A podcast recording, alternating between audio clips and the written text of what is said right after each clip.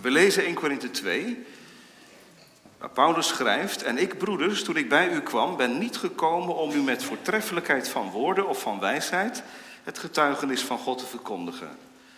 Want ik had mij voorgenomen niets anders onder u te weten dan Jezus Christus en die gekruisigd. En ik was bij u in zwakheid, met vrees en veel beven. En mijn spreken en mijn prediking bestonden niet in overtuigende woorden van menselijke wijsheid, maar in het betonen van geest en kracht, opdat uw geloof niet zou bestaan in wijsheid van mensen, maar in kracht van God. En wij spreken wijsheid onder de geestelijk volwassenen, maar een wijsheid niet van deze wereld en ook niet van de leiders van deze wereld, die te niet gedaan worden. Wij spreken echter de wijsheid van God als een geheimenis. Een wijsheid die verborgen was en die God voor alle eeuwen voorbestemd heeft tot onze heerlijkheid. Een wijsheid die niemand van de leiders van deze wereld gekend heeft. Immers, als zij die gekend hadden, zouden zij de Heere der heerlijkheid niet gekruisigd hebben. Maar het is zoals geschreven staat, wat geen oog heeft gezien en geen oor heeft gehoord en in geen mensenhart is opgekomen, dat is wat God bereid heeft voor hen die Hem liefhebben. Aan ons echter heeft God het geopenbaard door zijn geest. De geest immers onderzoekt alle dingen, zelfs de diepten van God. Want wie van de mensen kent de dingen van de mens dan de geest van de mens die in hem is?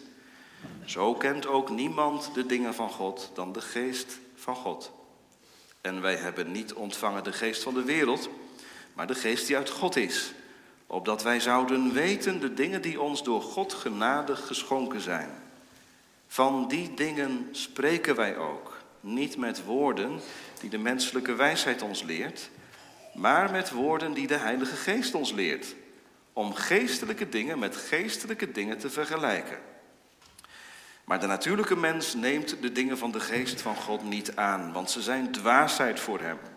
Hij kan ze ook niet leren kennen, omdat ze geestelijk beoordeeld worden. De geestelijke mens beoordeelt wel alle dingen, zelf echter wordt hij door niemand beoordeeld. Want wie heeft de gedachten van de Heer gekend? Dat hij hem zal onderrichten. Maar wij hebben de gedachten van Christus. Kinderen, mag ik jullie een geheim vertellen? Nou, als je dat thuis van je vader of van je moeder hoort. We vertellen een geheim vanmorgen. Dan ga je op het puntje van je stoel zitten, of niet? Wat is een geheim? Dat is iets wat je niet gezien hebt. Iets wat je nog niet gehoord hebt.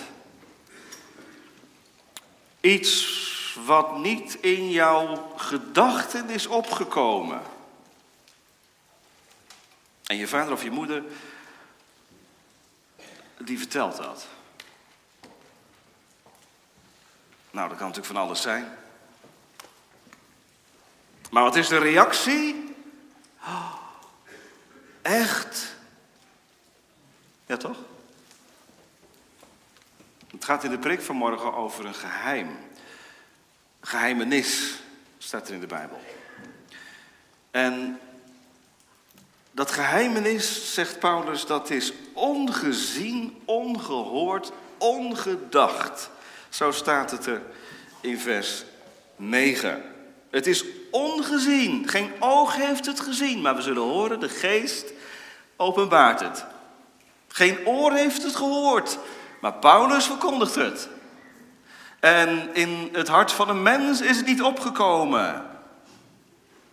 Maar God heeft het dus ook bedacht, niet wij. Dat is heel kort de wijsheid van God. Van boven naar beneden en niet van ons uit afkomstig.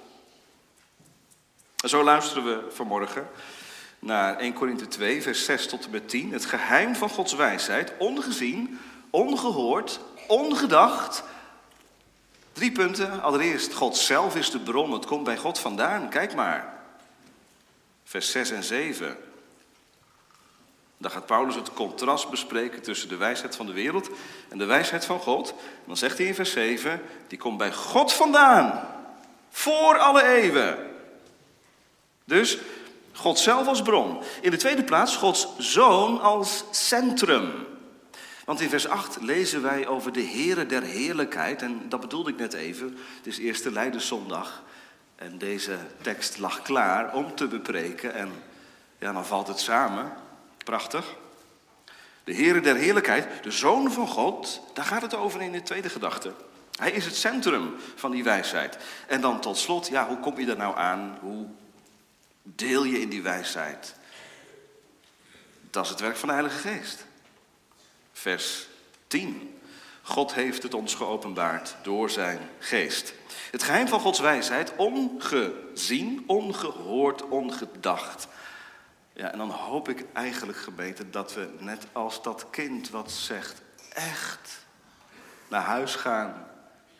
En dat het van binnen zo is.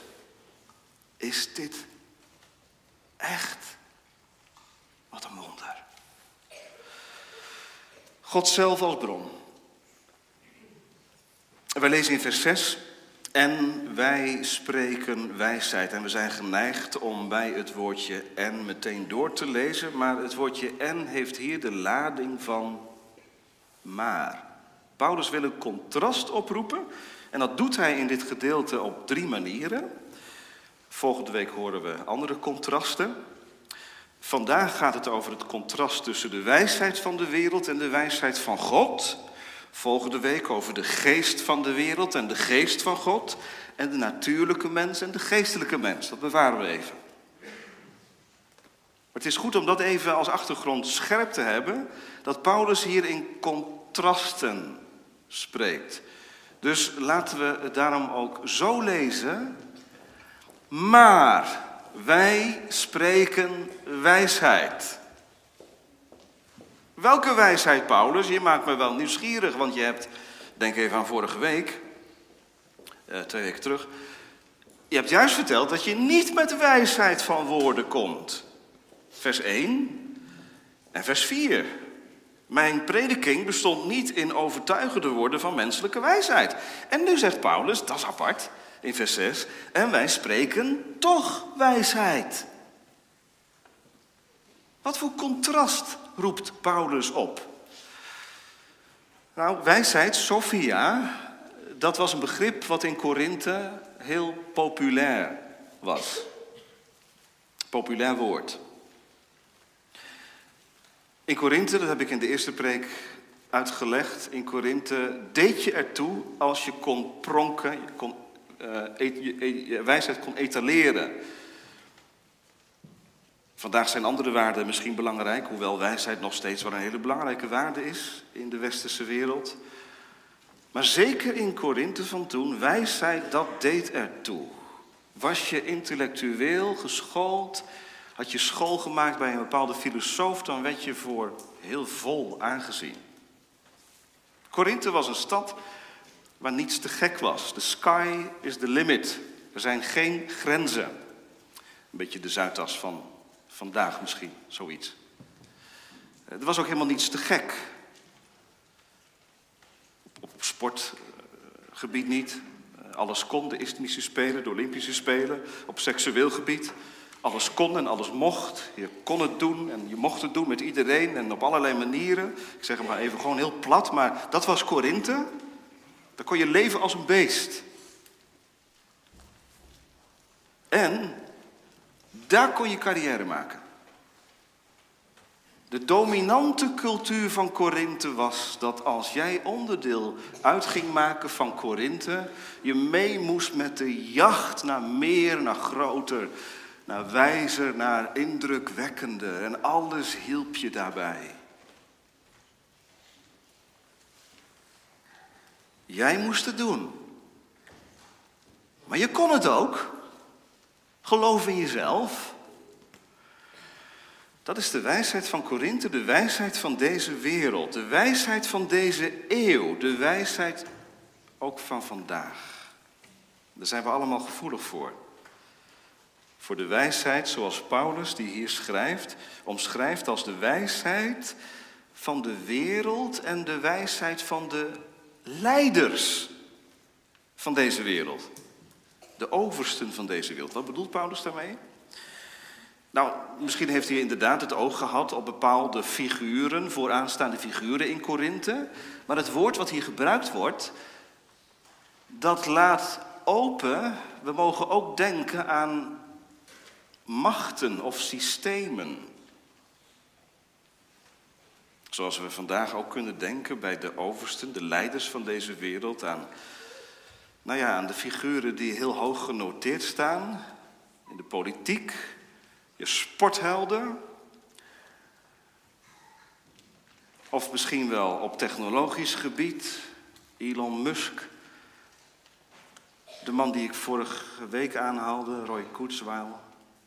De genieën van vandaag, met plannen over de toekomst en over kunstmatige intelligentie.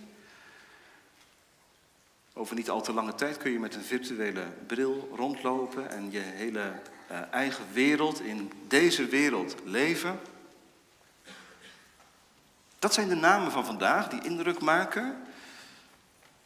Sterren, waarvan jij misschien ook wel zegt, nou, daar ben ik diep van onder de indruk.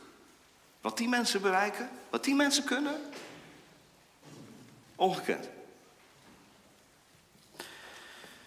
Maar je kunt dus ook denken aan structuren, aan systemen, aan machten. Je kunt dat niet concreet aanwijzen, maar als ik nu iets ga noemen, dan herkent u dit allemaal, denk ik, dat wij allemaal wel de druk voelen om ons best te doen. Het tempo waarin we leven is heel hoog. Want je moet een betere versie van jezelf worden. En dat kan, als je er maar voor gaat. Kinderen moeten goede cijfers halen, want dat is belangrijk. Je moet presteren, je moet je best doen, je moet uitblinken. En als je uitblinkt, krijg je een etiket. Je bent geweldig. Je bent een ster, je bent de ster van de klas, want je steekt met kop en schouders boven de anderen uit. Die druk voelen onze kinderen. En dat is echt niet alleen maar voorbehouden aan seculier onderwijs, dat zit ook in het reformatorisch onderwijs. De wijsheid van deze wereld, dat is dat jij het moet doen. Is het gek dat mensen opgebrand raken in deze tijd? Dat de burn-out cijfers griezelig hoog zijn. Wie is opgewassen tegen een terreur van een cultuur waarin je altijd nog een stap verder kunt komen? Dat was Korinthe. Dat is Nederland. En dan komt er een mannetje in Korinthe. En die gaat preken. En die gaat zeggen, ik ben niet gekomen met menselijke wijsheid. Ik kom om Jezus Christus te verkondigen. En wij spreken wel een wijsheid, maar dat is niet de wijsheid van deze wereld.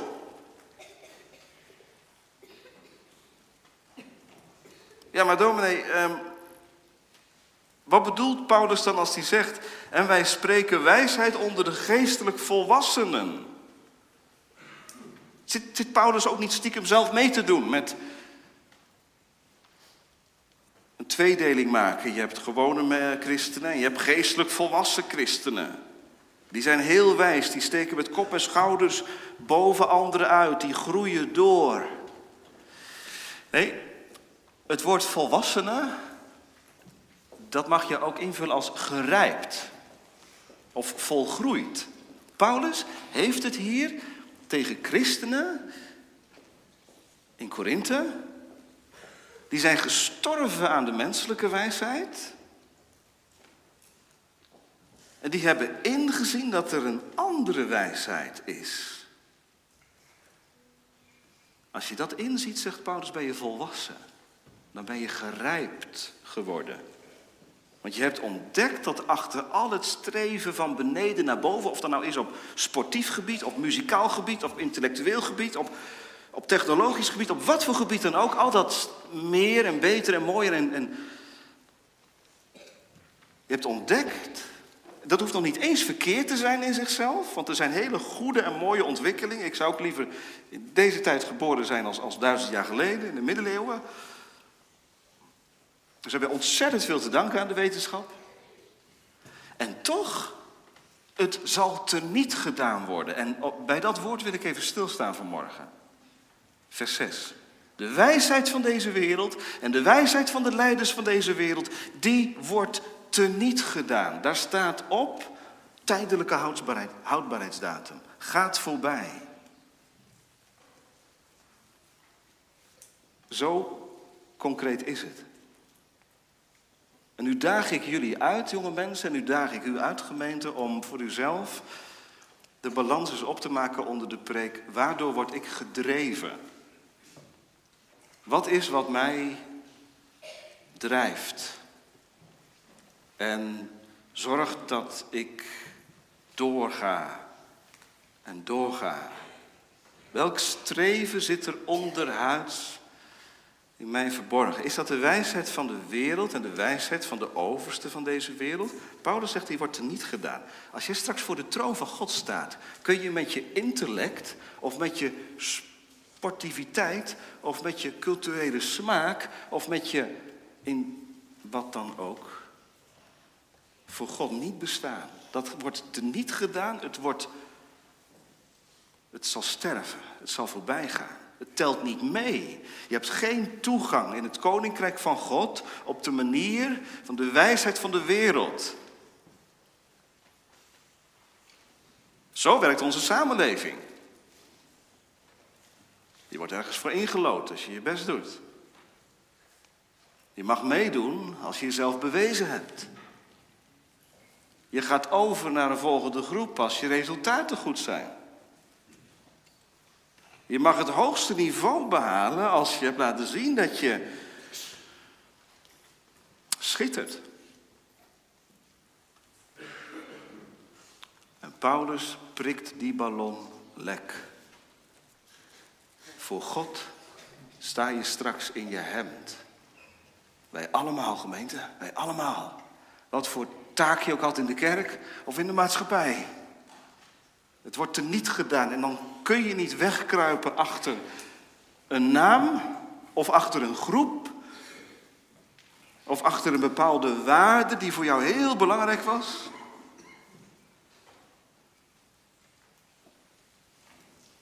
Wij spreken wijsheid onder de gerijpten, die inzien dat deze wereld voorbij gaat. Dat de gedaante van deze wereld voorbij gaat. Maar dominee, dat is toch heel ingewikkeld en lastig. Dat is toch een, een gevecht. Ja, dat is het ook. Dat is het ook. Dat is niet een kwestie van een knopje omdraaien. Nou weet ik het, die wijsheid van de wereld, nou, daar heb ik geen last meer van. Nee, dat blijft, dat blijft onderhuis natuurlijk broeien. Je wilt meedoen ook als christen. En ik heb diep respect voor voor u en voor jou als je morgen weer die cultuur en die maatschappij ingaat en met je collega's te maken hebt, voor wie dit het een en al is, de wijsheid van deze wereld. Gaan! En dan ben jij zo'n dwaas die zegt, ja, maar dat is niet het een en al. Hoe komt dat dan? Je hebt een geheim ontdekt. Dat zegt Paulus in vers 7. Die volmaakten van vers 6, de volwassenen, de gerijpten, die hebben een geheimenis. Wat is dat dan? Vers 7. Wij spreken, zegt Paulus, wij, let u erop hè. Wij. Niet alleen Paulus, maar iedere dienaar van het evangelie. Wij. Wij spreken wijsheid onder de geestelijk volwassenen. Wij spreken de wijsheid van God als een geheimenis. En goed luisteren, want dan kom ik even terug op het voorbeeld waar ik de preek mee begon, kinderen. Je vader of je moeder die tegen je vertelt, we hebben een geheim te vertellen. Nou, ik ga nu ook proberen dat geheim te vertellen. Dat is geen raadseltje, want een raadseltje kun je zelf oplossen. En als je het opgelost hebt, ja, dan is de lol er vanaf. Maar het gaat hier over een geheimenis. Daar heb je oren voor nodig, zegt Paulus. Wij spreken de wijsheid van God als een geheimenis. Dus luisteren. Luisteren. Wij spreken de wijsheid van God als een geheimenis. En dan zegt Paulus eerst waar het vandaan komt. Lees maar mee, vers 7. Een wijsheid die verborgen was. In het Oude Testament was het nog niet volkomen geopenbaard. De engelen kennen het niet. Een wijsheid die verborgen was. Die God voor alle eeuwen voorbestemd had. Duizelingwekkend als je daarover nadenkt. Voordat ik geboren ben, voordat ik geboren was, was er ook al een leven. Maar voordat deze wereld bestond, was er ook al een tijd. God heeft voor alle eeuwen die wijsheid, dat geheimenis, bedacht. Dat zat in zijn hart. God is de bron. En hij heeft het geopenbaard. Wij spreken de wijsheid van God. Wat is dat? Dat is zijn wonderlijke liefdesplan dat jij, zoals je geboren bent, en zoals je op moet boksen tegen de machten van deze tijd, die maar één ding willen, leef voor je hier, voor het hier en nu. Leef, want je leeft maar één keer. Dat God in zijn wonderlijke liefde tegen jou zegt, maar daar heb ik je niet voor over. Want weet je, dat is destructie. Daarmee verwoest je jezelf. Je straks voor de troon van God staat, dan, dan is het voorbij. Dan heb je 80 jaar gevlamd en dan is het voorbij. Wij spreken de wijsheid van God als een geheimenis. Een wijsheid die verborgen was. Maar nu geopenbaard.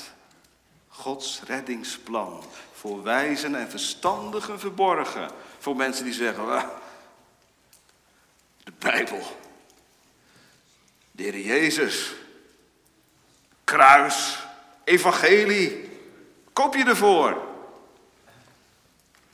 Geef mij iets wat, wat resultaat biedt vandaag, wat wat oplevert hier en nu. Het is een geheimenis. Het is niet de wijsheid van deze wereld.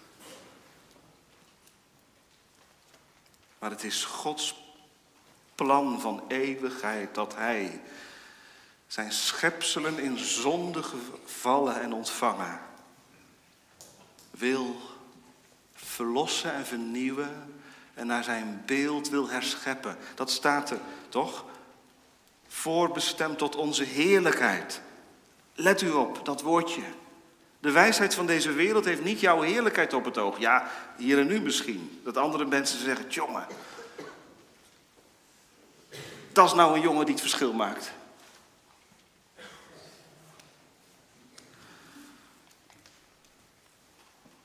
Maar God heeft iets anders voor, gemeente, met ons leven. Dat is de heerlijkheid.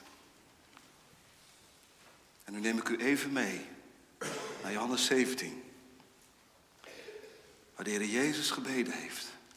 Vader, ik wil dat waar ik ben, ook die bij mij zijn die u mij gegeven hebt, zodat ze mijn heerlijkheid mogen aanschouwen.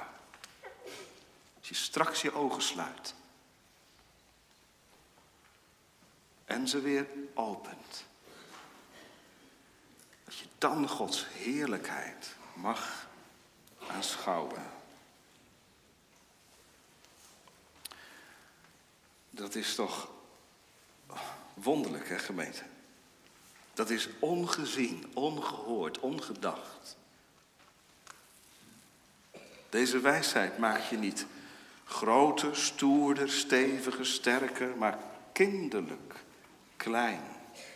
Toen Spurgeon ging sterven, en u weet, Spurgeon is een groot theoloog geweest heeft ontzettend veel betekend. Maar toen hij ging sterven, zei hij: Mijn theologie wordt steeds eenvoudiger. Ze bestaat nog uit vier woorden. Jezus stierf voor mij. Jezus stierf voor mij. Dat is de wijsheid van God. Dat heel veel van de rand niet meer belangrijk wordt, maar dat de kern overblijft. En de kern is, Jezus stierf voor mij. En dat brengt bij de tweede gedachte van de preek. Gods zoon is het centrum. Want Paulus gaat op een hele speciale manier nu het kruis van Christus inbrengen. Gods wijsheid, dat is geen wijsheid van onderaf. Dat is een wijsheid van bovenaf, die God bekend heeft gemaakt. Maar op zo'n manier dat het ook helemaal niet aansluit bij mij. Kijk maar. Vers 8, een wijsheid die niemand van de leiders van deze wereld gekend heeft. Immers, als zij die gekend hadden, zouden zij de Heer, Heren der Heerlijkheid niet gekruisigd hebben. Wat bedoelt Paulus? Nou, ik, ik ben in Korinthe gekomen en ik verkondig Jezus Christus en die gekruisigd. Maar ik weet dat, een, dat de natuurlijke reactie van ons mensen is. Geen behoefte aan. Ik heb niets met de Heer Jezus. Ik ben ongeïnteresseerd. Het werk van de Heer Jezus levert verachting op. Door wie dan? Nou ja, de leiders van de wereld noemt Paulus. De overste van deze wereld. En ik heb al gezegd bij punt 1, dat zijn niet alleen mensen, namen, personen. Maar het gaat hier over de krachten en de machten die in deze huidige tijd zich groot maken. En die jongeren en ouderen in de greep hebben. dan denk ik zomaar aan een gesprek wat ik had met een jongen. Die zei in alle eerlijkheid, dominee, ik zit in de kerk, maar ik heb er niets mee. En ik krijg er volgens mij ook niets mee. Wat doe ik er eigenlijk? Het is een wijsheid die botst met mijn leven. Kan er niets mee. En dat is nog te zacht gezegd. Ik wil er ook niets mee. Jezus, het kruis, het evangelie. Ik zie er niets in. Dat is allemaal zelfhandhaving.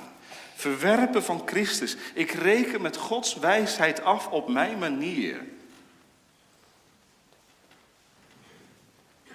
Pas niet in ons straatje. En daarom sta ik schuldig voor God. Paulus zegt, weet je wat ze met, met het evangelie doen? Weet je wat ze met de wijsheid van God doen? Ze kruisigen de Here der heerlijkheid. Zij en wij.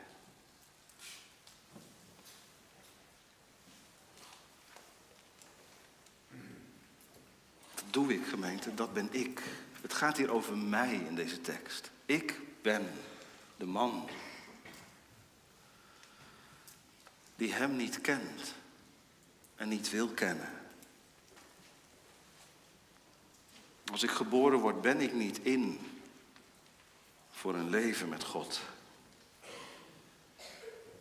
En het gaat niet vanzelf open. En het is niet iets wat ouders eh, bij hun kinderen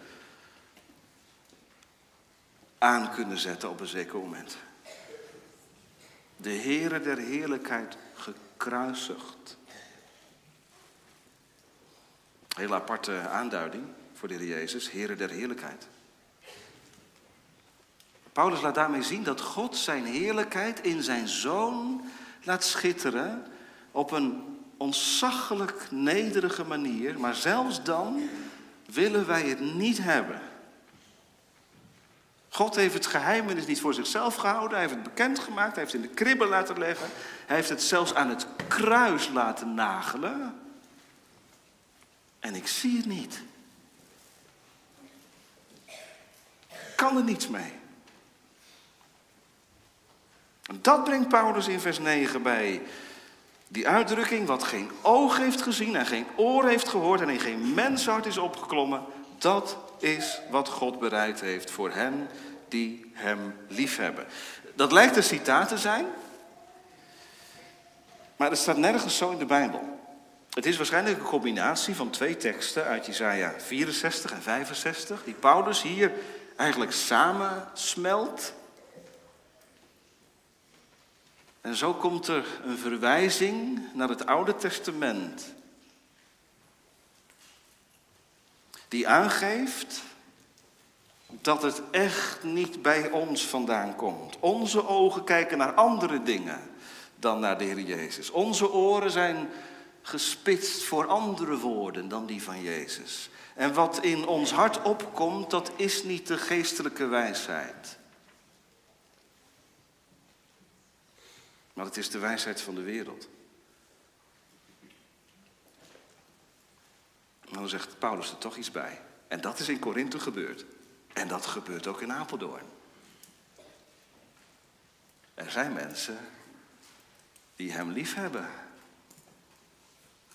God heeft de wijsheid van zichzelf bekendgemaakt. En er zijn mensen die daar in liefde, in geloof op reageren. Kijk maar, wat geen oog heeft gezien, geen oor heeft gehoord, geen mensenhart is opgekomen. Dat is wat God bereid heeft voor hen die hem lief hebben. Zo krijg je deel aan Gods wijsheid. Op de manier van de liefde. Hem liefhebben. Hem omhelzen. In Hem geloven.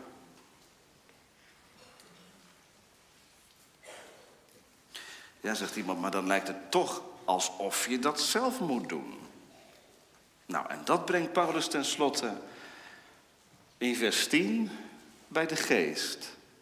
En dan zegt hij niet de geest moeten doen, zoals dominees tegenwoordig kunnen zeggen, die dan het evangelie verkondigen en dan in het derde punt uiteindelijk zeggen de geest moet het toepassen. Nou, zo zegt Paulus het niet.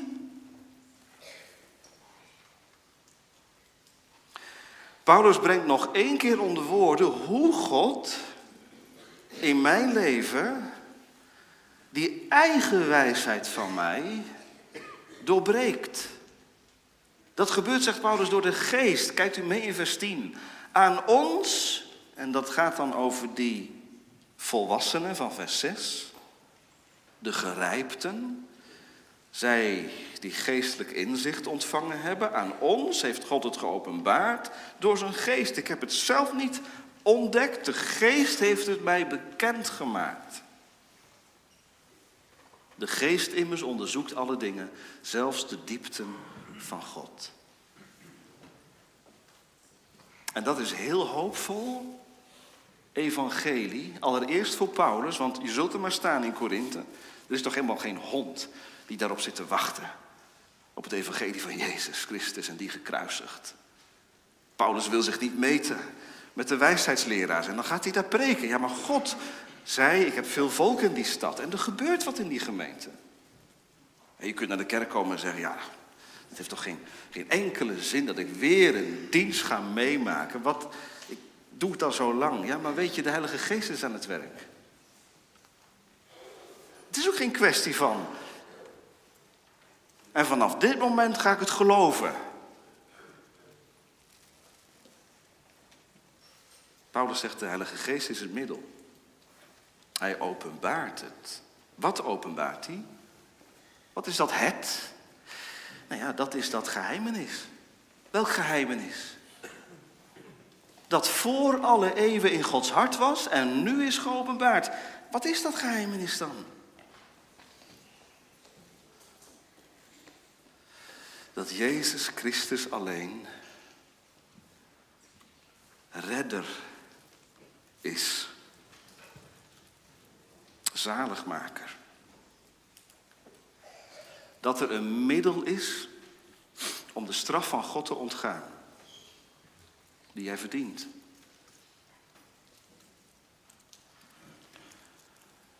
Dat de wijsheid van deze wereld die er niet gedaan wordt,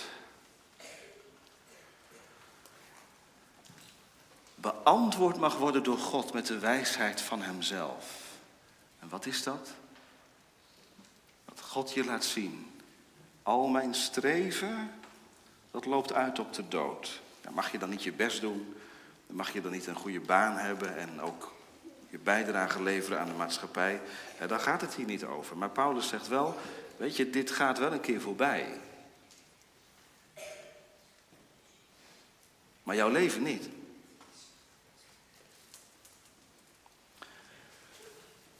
En daarom heb je de Heilige Geest nodig, die jou dingen laat zien en horen waar je zelf niet opkomt. En nu ga ik naar de kern toe. Wat is dat dan? Waar wil de Heilige Geest je van overtuigen?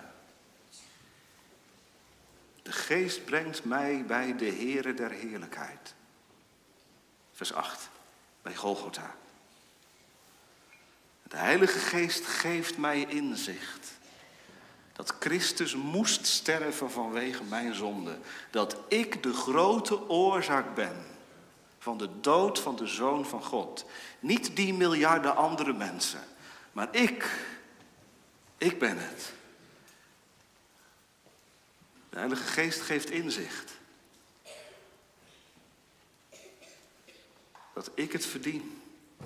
Wat Christus onderging. De Heilige Geest maakt gebruik van je oren en van je ogen. En vanmorgen zie ik een gezicht. Welk gezicht? Het is het gezicht van de Zoon van God. Jezaja 52. Als ik hem aankeek, was er geen gestalte aan hem dat ik naar hem verlangen zou. Want zijn gezicht ziet er niet uit. Een toegetakeld gezicht, een toegetakeld lichaam. Maar de Heilige Geest richt mijn ogen erop. Dat is allemaal vanwege mij. Vanwege mij. Maar kijk eens, hij hangt er ook voor je. Dat doet de Heilige Geest. Die helpt je over de brug. Die leert je toe-eigenen. Wat Christus verworven heeft. Die maakt dat God, die zo ver weg is, dichtbij komt in zijn zoon. Die maakt dat je amen gaat zeggen. Hartelijk amen gaat zeggen. Onder de verkondiging van het woord. Er ontstaat een liefdesband met de Heer Jezus. Want de geest onderzoekt alle dingen, zegt Paulus, zelfs de diepte van God.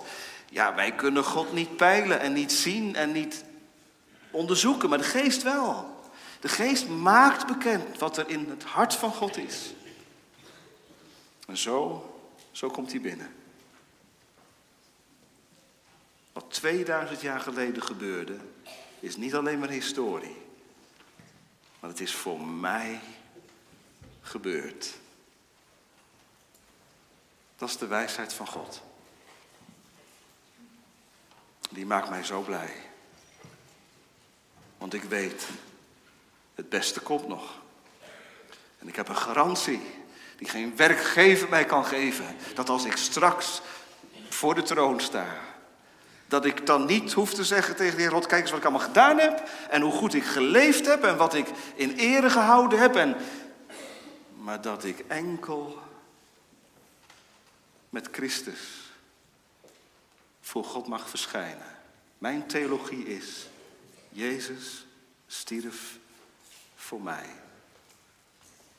Oh, die aarzeling die je van binnen voelt, ja, is dat ook voor mij? Ja, dat doet de Heilige Geest ook. De Heilige Geest maakt ook dat je vrijmoedigheid ontvangt om het te zeggen. Tegen de stemmen van je familieleden in. Die stemmetjes van binnen die zeggen, ja, maar dat gaat zomaar niet. De Heilige Geest, die verbindt aan Christus. Zodat je gaat zingen. En dan worden die woorden van Psalm 31 die door David gedicht zijn woorden voor vandaag. En je zingt ze met het oog op het lam van God. Hoe groot is de wijsheid, het goed dat u zult geven aan hem die u lief heeft. Lof zij de Vader, lof zij de Zoon, lof zij de Heilige Geest voor deze wijsheid, ongezien, ongehoord, ongedacht. En daarom waar. Het is waar. En de geest en de bruid zeggen amen. Het is waar. Ook voor mij. Amen.